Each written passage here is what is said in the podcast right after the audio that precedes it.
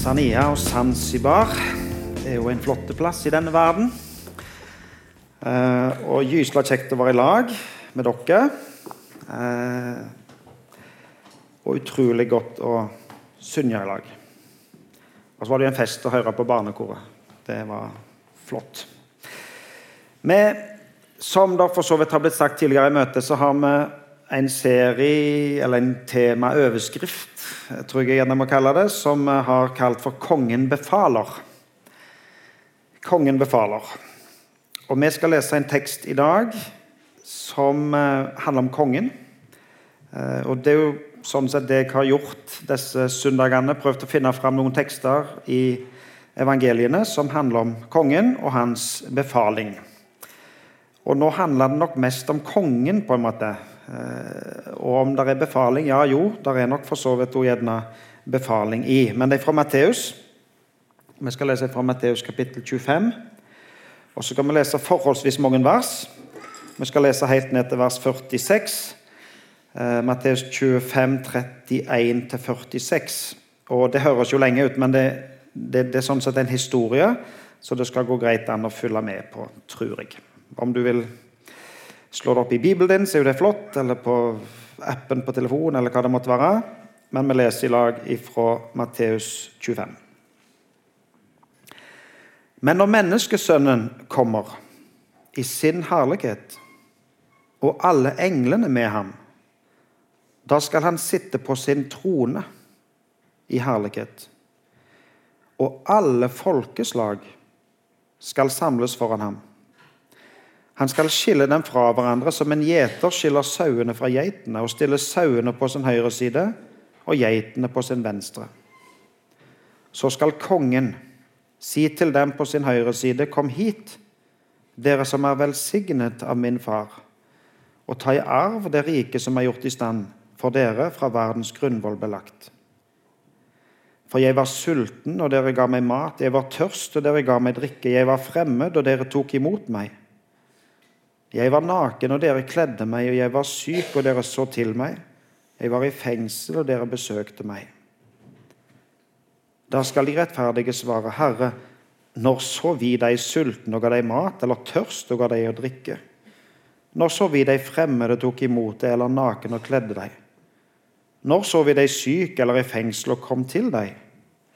Og kongen skal svare dem, sannelig, jeg sier dere, det dere gjorde mot én av disse mine minste søsken, har dere gjort mot meg.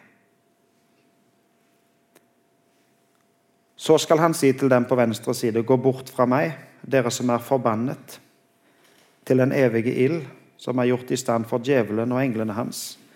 For jeg var sulten, og dere ga meg ikke mat.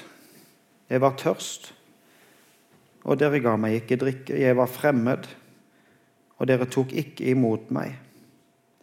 Jeg var naken, og dere kledde meg ikke. Jeg var syk og i fengsel, og dere så ikke til meg. Da skal de svare, Herre, når så vi deg sulten eller tørst eller fremmed eller naken eller syk eller i fengsel uten å komme deg til hjelp? Da skal han svare dem, sannelig, jeg sier dere, det dere ikke gjorde mot en av disse minste, har dere heller ikke gjort mot meg. Og disse skal gå bort til evig straff, men de rettferdige til evig liv.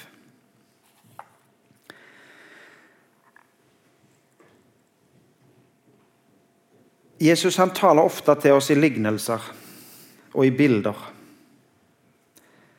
Og bildene eh, henger sammen. Og, og bildene henger sammen ofte i lange, lange, lange linjer.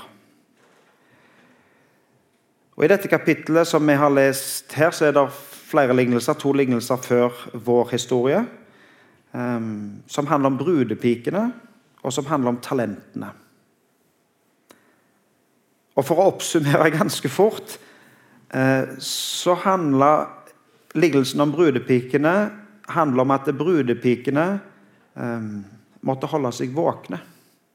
Til og med om det skulle dra ut, så var det viktig for brudepikene å holde seg våkne.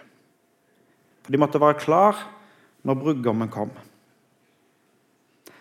Og For å oppsummere fort om talentene, så eh, handler historien om å, om å få utdelt talenter.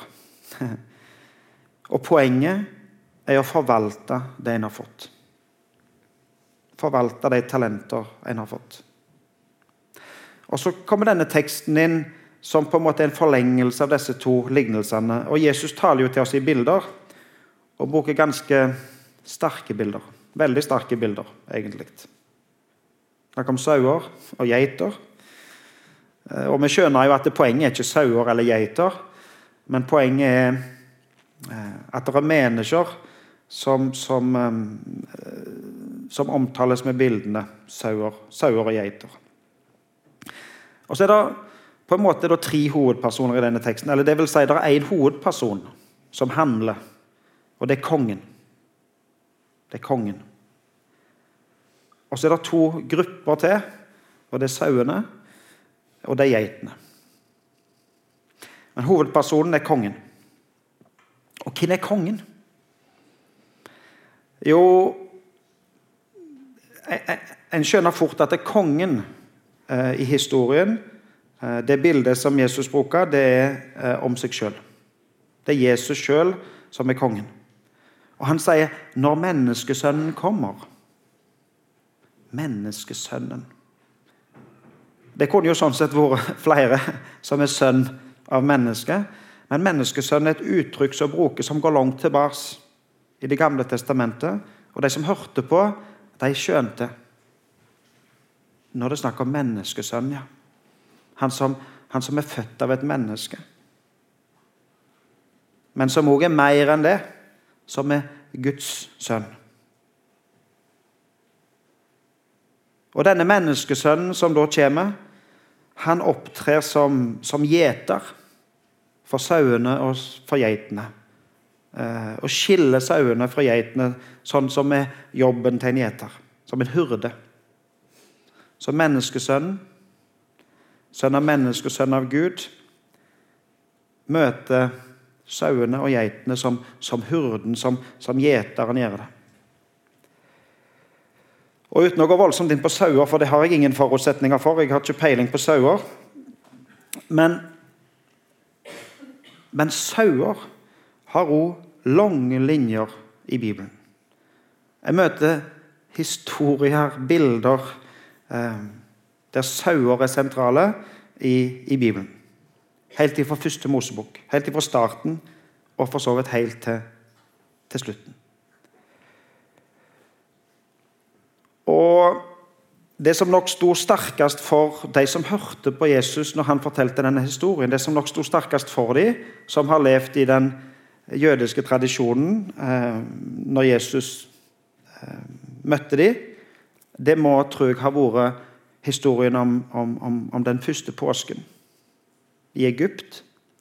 Når israelsfolket, som hadde vært slaver i Egypt, som hadde der i 430 år, og Gud leder de ut av slaveriet og mot løfteslandet. Og det som er den avgjørende eh, skal du si, hendelsen, er at det da slaktes et lam. Og lammet slaktes og blir eh, redningen for han som ellers måtte dø. Så lammet blir slakta i plassen for og blir frelsen for israelsfolket. Det er nok den ene historien, tror jeg. Og den andre, som jeg tror nok kanskje er den store historien, eller det store bildet som de tenker på, er nok offertjenesten. Eh, først i når Gud ga det til dem sånn sett i, i, i, ørkenen og videre inn i, inn i tempelet. Der eh, dyr ble ofra. Eh, sauer, lam, ofra som en soning for folket sine synder. Og Offertjenesten ble gjentatt og gjentatt og gjentatt. Og Det må ha vært bilder som sto føre dem når Jesus snakket om sauer. Og her står hyrden fram. Og når vi møter den, den, den, den store kongen egentlig, i Det gamle testamentet, så finner profeten denne kongen iblant sauene. For den kongen som er den store store kongen i Det gamle testamentet, som er bildet på en måte på ja, som, som, som Bibelen omtaler som mannen etter Guds hjerte. Når profeten skulle lete etter kongen, hvem skal være konge? Hvem skal jeg salve til konge? Så mener de at de peker på han eller han, eller se på han, og han, gode, han ser sånn ut, og han, han kan passe til konge. Men Gud sier nei, det er ingen av dem. For Gud ser til hjertet. Sånn som Anita fortalte til oss at ungene skulle høre på søndagsskolen i dag. Og Gud pekte på en gjeter. En unge gutt som het David, som var ute blant sauene. Og Så tok han gjeteren, hurden, fra saueflokken og så gjorde han han til konge. Og Jesus omtaler seg sjøl som den gode hurden. Og Når Johannes ser Jesus og skal peke på han og omtale han, så omtaler Johannes Jesus som Guds lam. Se der. Guds lam. Og Når åpenbaringsboken, den siste bok i Bibelen, som bruker masse bilder, når den skal beskrive Jesus og vise et bilde av Jesus, så står det fram et lam. Og lammet er slakta.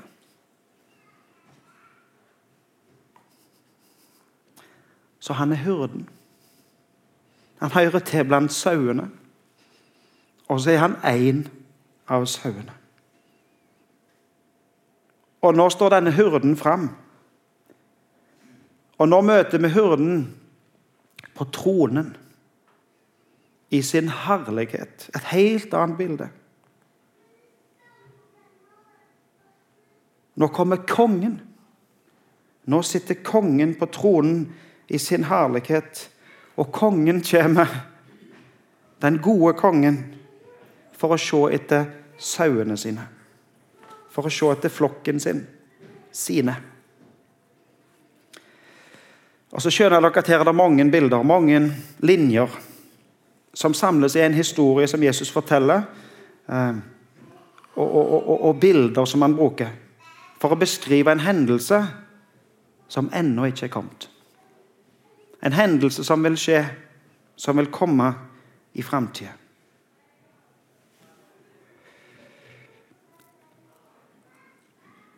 Når vi samles som kristne, så sier vi fram noen ganger trosbekjennelsen. Altså den bekjennelsen som vi samler oss om, som vi sier 'dette tror vi på'. Og så sier vi 'jeg tror på Gud Fader'. Um, og så sier vi jeg tror på Jesus Kristus og jeg tror på Den hellige ånd. Og Når vi sier jeg tror på Jesus Kristus i, i trosbekjennelsen om Jesus, så sier vi at vi tror på Jesus Kristus, han som er vår Herre, han som er Guds sønn, han som er født av jomfru Maria, han som er pint og korsfesta, og han som for opp til himmelen, og som sitter på tronen og så sier vi skal derfra komme igjen for å dømme levende og døde. Skal derfra komme igjen for å dømme levende og døde. Og I teksten vår i dag så møter vi Jesus som konge. Som kom igjen med makt til å holde dom. Og så tegnes dette bildet av Jesus som dommer. Og så har vi nok hørt dette. Og Ofte så tegner vi bildet av Jesus som dommer som, som mørkt og som skummelt og som skremmende. Nesten som det skulle komme en slags slu, vonde dommer som vil oss vondt. Og så blir det vanskelig å akseptere.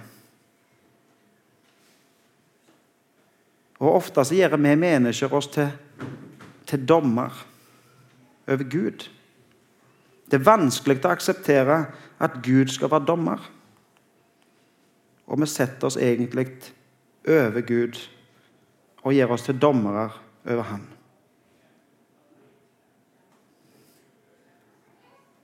Og så bestemmer vi hvordan Gud skal være. Gud han skal være sånn. Gud han kan gjøre sånn. Gud han kan ikke være sånn. Gud han kan ikke gjøre sånn. Og så lager vi oss en Gud som passer inn i vårt system.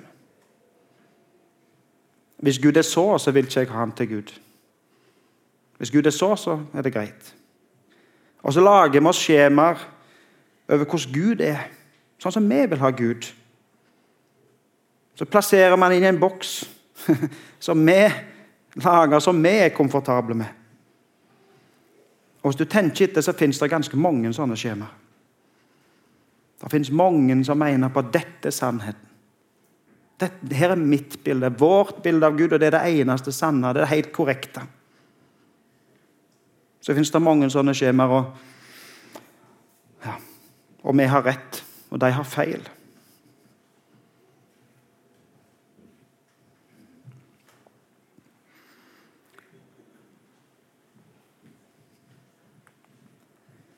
Det er ikke første gang i historien at menneskene dømmer Gud.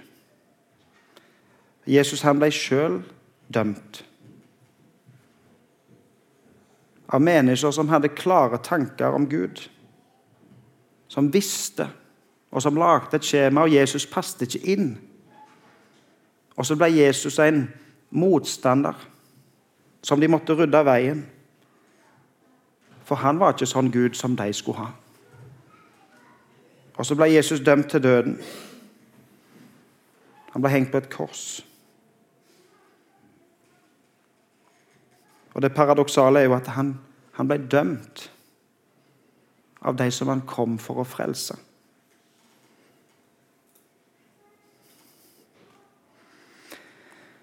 Og når Jesus står fram som konge og som dommer, så står Jesus fram som en god konge. Og som en god dommer. En dommer som dømmer rettferdig. Tenk hva den rettferdige dommen vil bety for de som har opplevd urett. For de som har opplevd forfølgelse, for de som har opplevd urettferdighet, krig osv. Nå kommer dommeren som dømmer rettferdig. Og De som står før kongen på denne dagen, de er, de er da sauer og geiter, beskrives de som eh, i bildet. Og så står det her at her kommer de fram eh, for kongen ifra alle folkeslag. Ifra alle folkeslag. Bare som en liten nesten sagt parentes når vi, leser, juleevangeliet som sånn en, en, forholdsvis kjent tekst, så, vi, nei, så, så, leser vi at det skjedde i de dager Det er begynnelsen på juleevangeliet. Det skjedde jo i de dager at det gikk ut befaling fra keiser Augustus, den store kongen, ikke sant? Keiser Augustus, om at he, han, han, han sendte ut en befaling. Og han sa at hele verden skulle innskrives i manntall. Så han hadde en tanke om seg sjøl at han hadde makt til å innskrive hele verden i sitt manntall. Og så vet vel vi det at det var ikke hele verden som ble innskrevet i manntall. Det var nok mange, men ikke hele verden. Men den kongen som står fram her, han skal samle hele verden. Han skal samle alle folkeslag. For Jesus har myndighet Jesus er kongenes konge. Og han skal samle alle folkeslag. Ingen som ikke blir samla. Ingen unntatt. Og så deles alle mennesker i to flokker, i sauer og geiter. Og jeg, jeg, må innrømme at jeg skjønner ikke hva som gjør at sauene skal få den fordelen. Altså, jeg skjønner ikke hva egenskaper sauene har som gjør at de havner i den flokken. Jeg forstår det ikke. Og så har jeg tenkt det kan jo hende er faktisk er litt av poenget. For sauene forstår det jo faktisk ikke sjøl. Når Jesus tar fram deres gode gjerninger og sier 'dette gjorde du mot meg', så blir de overraska. Så sier de 'hva de gjorde vi dette mot deg'? Når så vi deg og gjorde dette mot deg? Og Da svarer Jesus, det du gjorde mot en av disse mine minste, gjorde du mot meg. Altså så tett identifiserer denne kongen seg med folket sitt at han sier det du gjorde mot mine, det gjorde du mot meg. Altså hyrden er ett med sauene, som om du gjorde det mot han sjøl. Jeg har lest en liten setning fra juleevangeliet. og Det fins en annen historie som, som, leses ofte når det er jul, eller som fortelles. Eh, den, det, er bibel, det, er ikke juleevangeliet eller bibelhistorien, sånn sett, men, men Leo Tolstoy, som, eh, som gjerne er en av historiens største forfattere på 1800-tallet, han har skrevet en historie som er utrolig kjent. Um, jeg tror egentlig jeg bare skal lese historien, og så hører dere, og så forstår dere. Russisk navn her, så jeg stilte litt med uttale, men, men uansett. Det var en gang en gammel, fattig skomaker som bodde helt alene i et kjellerrom. Det var bare ett vindu i rommet, og det satt så høyt på veggen at skomakeren bare kunne se føttene på folk som gikk forbi. Kone og barn var dødd fra ham. Han måtte arbeide hardt for å tjene nok til leien for rommet, til mat og litt brensel. Hele dagen lappet han sko, men om kvelden likte han å sitte foran den vesle ovnen og lese i den eneste boken han eide. Boken var en bibel etter hans kone. I den leste han om Jesus som gikk, om, gikk rundt og snakket med folk i Galilea. Og en kveld sa han til seg selv, om jeg bare kunne få se ham da ble det lettere for meg å gjøre det som er rett. Da den gamle mannen hadde lagt seg den kvelden, hørte han en mild røst si navnet sitt. Jeg skal komme til deg i morgen, Adjevitsj. Skomakeren styrtet opp og svarte, Herre, kommer du til meg? Men det hørtes ikke en lyd i det vesle rommet, så Adjevic trodde han hadde drømt. Morgenen etter tenkte han på røsten med det samme han våknet og sa til seg selv, Tenk om Herren ville komme til meg? Men det var naturligvis bare en drøm. Han sto opp og laget seg sterk, mørk te, og akkurat da han var ferdig med å spise frokost, hørte han noen trampet så kraftig på fortauet. Han kikket ut og så føttene til den gamle mannen som måkte snø. Adjevitsj forsto at gamlingen måtte være gjennomfrossen, og han gikk til døren, hvor han kom inn og varme seg. Og Så gav Adjevic ham litt brød, og den gamle mannen takket og rakte de stive nevene fram mot varmen. En stund etter gikk han, og Adjevic satte seg til å lappe sko. Han arbeidet flittig til middagstid. Da fikk han høre et barn gråte og kikket ut av vinduet. Han så føttene på en kone som gikk forbi, og bak henne så han føttene til et lite barn. De små skoene var hullete, og den vesle frøs, så han gråt. Adjevic gikk til døren og ba kona komme inn og varme seg. Hun fortalte at mannen hennes var soldat, og han var blitt forflyttet til en annen by og siden hun ikke hadde penger, kunne hun ikke reise med toget. Hun og barnet skulle gå den lange veien. Adjevic la merke til hvor tynnkledd hun var, og han tenkte Maria ville nok gjerne gitt henne sjalet. Han gikk til kisten der han gjemte de få eiendelene sine, fant sjalet etter Maria og gav det til den fremmede. Han fant også fram et par små, røde sko. De var ferdige på et par stigner og akkurat passet til den vesle gutten. Adjevic tenkte på sin egen gutt som var blitt syk og døde like før de nye skoene ble ferdige. Han syntes det var vondt å skilles fra skoene, men han mente at barnet trengte dem. Ajevit satte seg på den vesle krakken og gjorde dem i stand på noen minutter, og så gav han den til den vesle gutten. Og Barnet ble henrykt over den glade, vakre fargen på de nye skoene og spratt omkring og sa, 'Jeg blir varm på beina av de røde skoene.'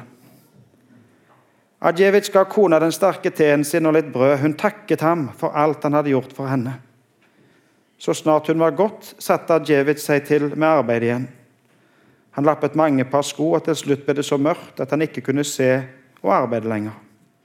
Han laget te igjen og skulle akkurat til å spise kveldsmat. I det samme hørte han lyden av føttene som sprang forbi, og han hørte også hissige stemmer. Han gikk til døren og så en gutt komme løpende, og etter han kom eplekona som hadde bodd på hjørnet. Hun var sint og ropte, 'Jeg skal få deg på politistasjonen.' Gutten svarte, 'Du må få tak i meg først.' Adjevic ba dem begge komme inn. De slo seg ned foran varmen, og han delte teen og de siste brødskivene med dem. Så sa gutten, 'Det var ikke riktig av meg å stjele eplet fra henne, men jeg var så sulten.'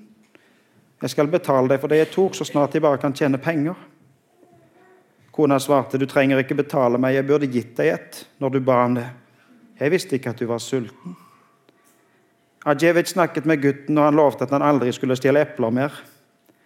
Og Da eplekona og gutten var gått, satte Adjevic seg foran varmen og leste på nytt om Jesus, som gikk rundt og snakket med folk i Galilea. Og igjen tenkte han om han bare ville snakke med meg, så ville det være lettere for meg å gjøre det som var rett. Da skinte et lysskjær inn i det vesle rommet, og Adjevic hørte en røst som sa, 'Jeg har vært hos deg i dag, Adjevic.' Adjevic reiste seg fort og sa, 'Herre, når var du hos meg?' Jeg var så opptatt med mitt ringe arbeid at jeg ikke merket det. Jeg var hos deg i morges med den gamle mannen som skuffet snø. Jeg var hos deg ved middagstid med moren og barnet. Jeg var hos deg i kveld med kvinnen og gutten. Jeg var sulten, og du delte det lille du hadde med meg. Jeg frøs, og du lunet meg med klær, varmet av din kjærlighet. Det du gjorde for disse, Djevic, det gjorde du også for meg.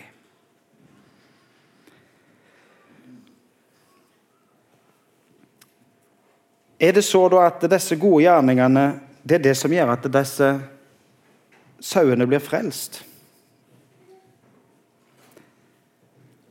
Forrige møte eh, vi hadde, så, så, så hørte vi om kongen som førte bryllup. Og De som kom inn til bryllup, de kom inn for de hadde bryllupsklær på. Og Det brukes et bilde av, av ei brud som er pynta til bryllup. Og sauene hører til i fellesskapet her fordi at de er sauer. Vi hører ikke om gode eller dårlige sauer, men vi hører om saueflokken. Og de kalles i teksten for de rettferdige. Og det er Gud som har gjort de rettferdige. Det er Gud som har kledd. Det er Gud som har ordna. De som har tatt imot, og de som tror, de som hører til hos Jesus, de har Jesus ordna. Han som har gitt drakten, og han som gjør sauer til sauer.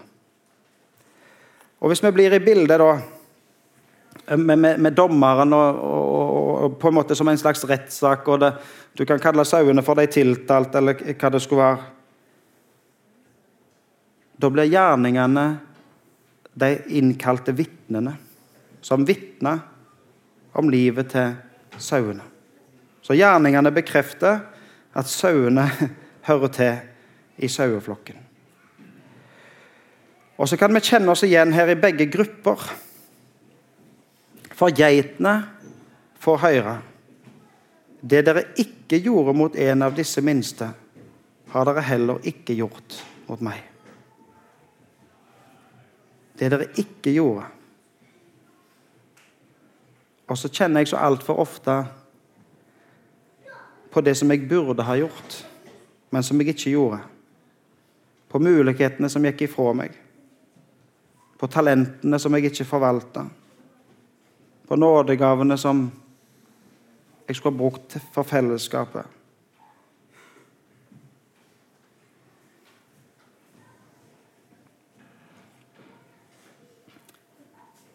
Teksten vår i dag, bildene, forteller om kongen, om den gode kongen som kommer, og som skal samle alle mennesker, og som skal holde dom. Rettferdig dom. Og før den dagen så har vi mulighet Så har vi mulighet til å gjøre godt. Og når vi har mulighet til å gjøre godt, så kan det hende at det vil koste. Det kan hende vi må gi avkall på noe som vi egentlig ville hatt for oss sjøl. Hvis du gjør noe for andre, så må du gjerne redusere noe for deg sjøl. Men husk at det du gjør for andre, det gjør du for Jesus. Det gjør du for kongen. Og han skal samle alle folkeslag. De fra Zanzibar, de fra Norge, de fra hele verden. Skal vi be. Kjære Jesus, takk for ordene dine til oss. Takk for at du er konge. Takk for at du er hyrde. Takk for at du er god. Og så ber vi Jesus om at du må vise oss og gjøre oss i stand til å gjøre godt imot andre. Jeg ber meg om Jesus i ditt navn. Amen.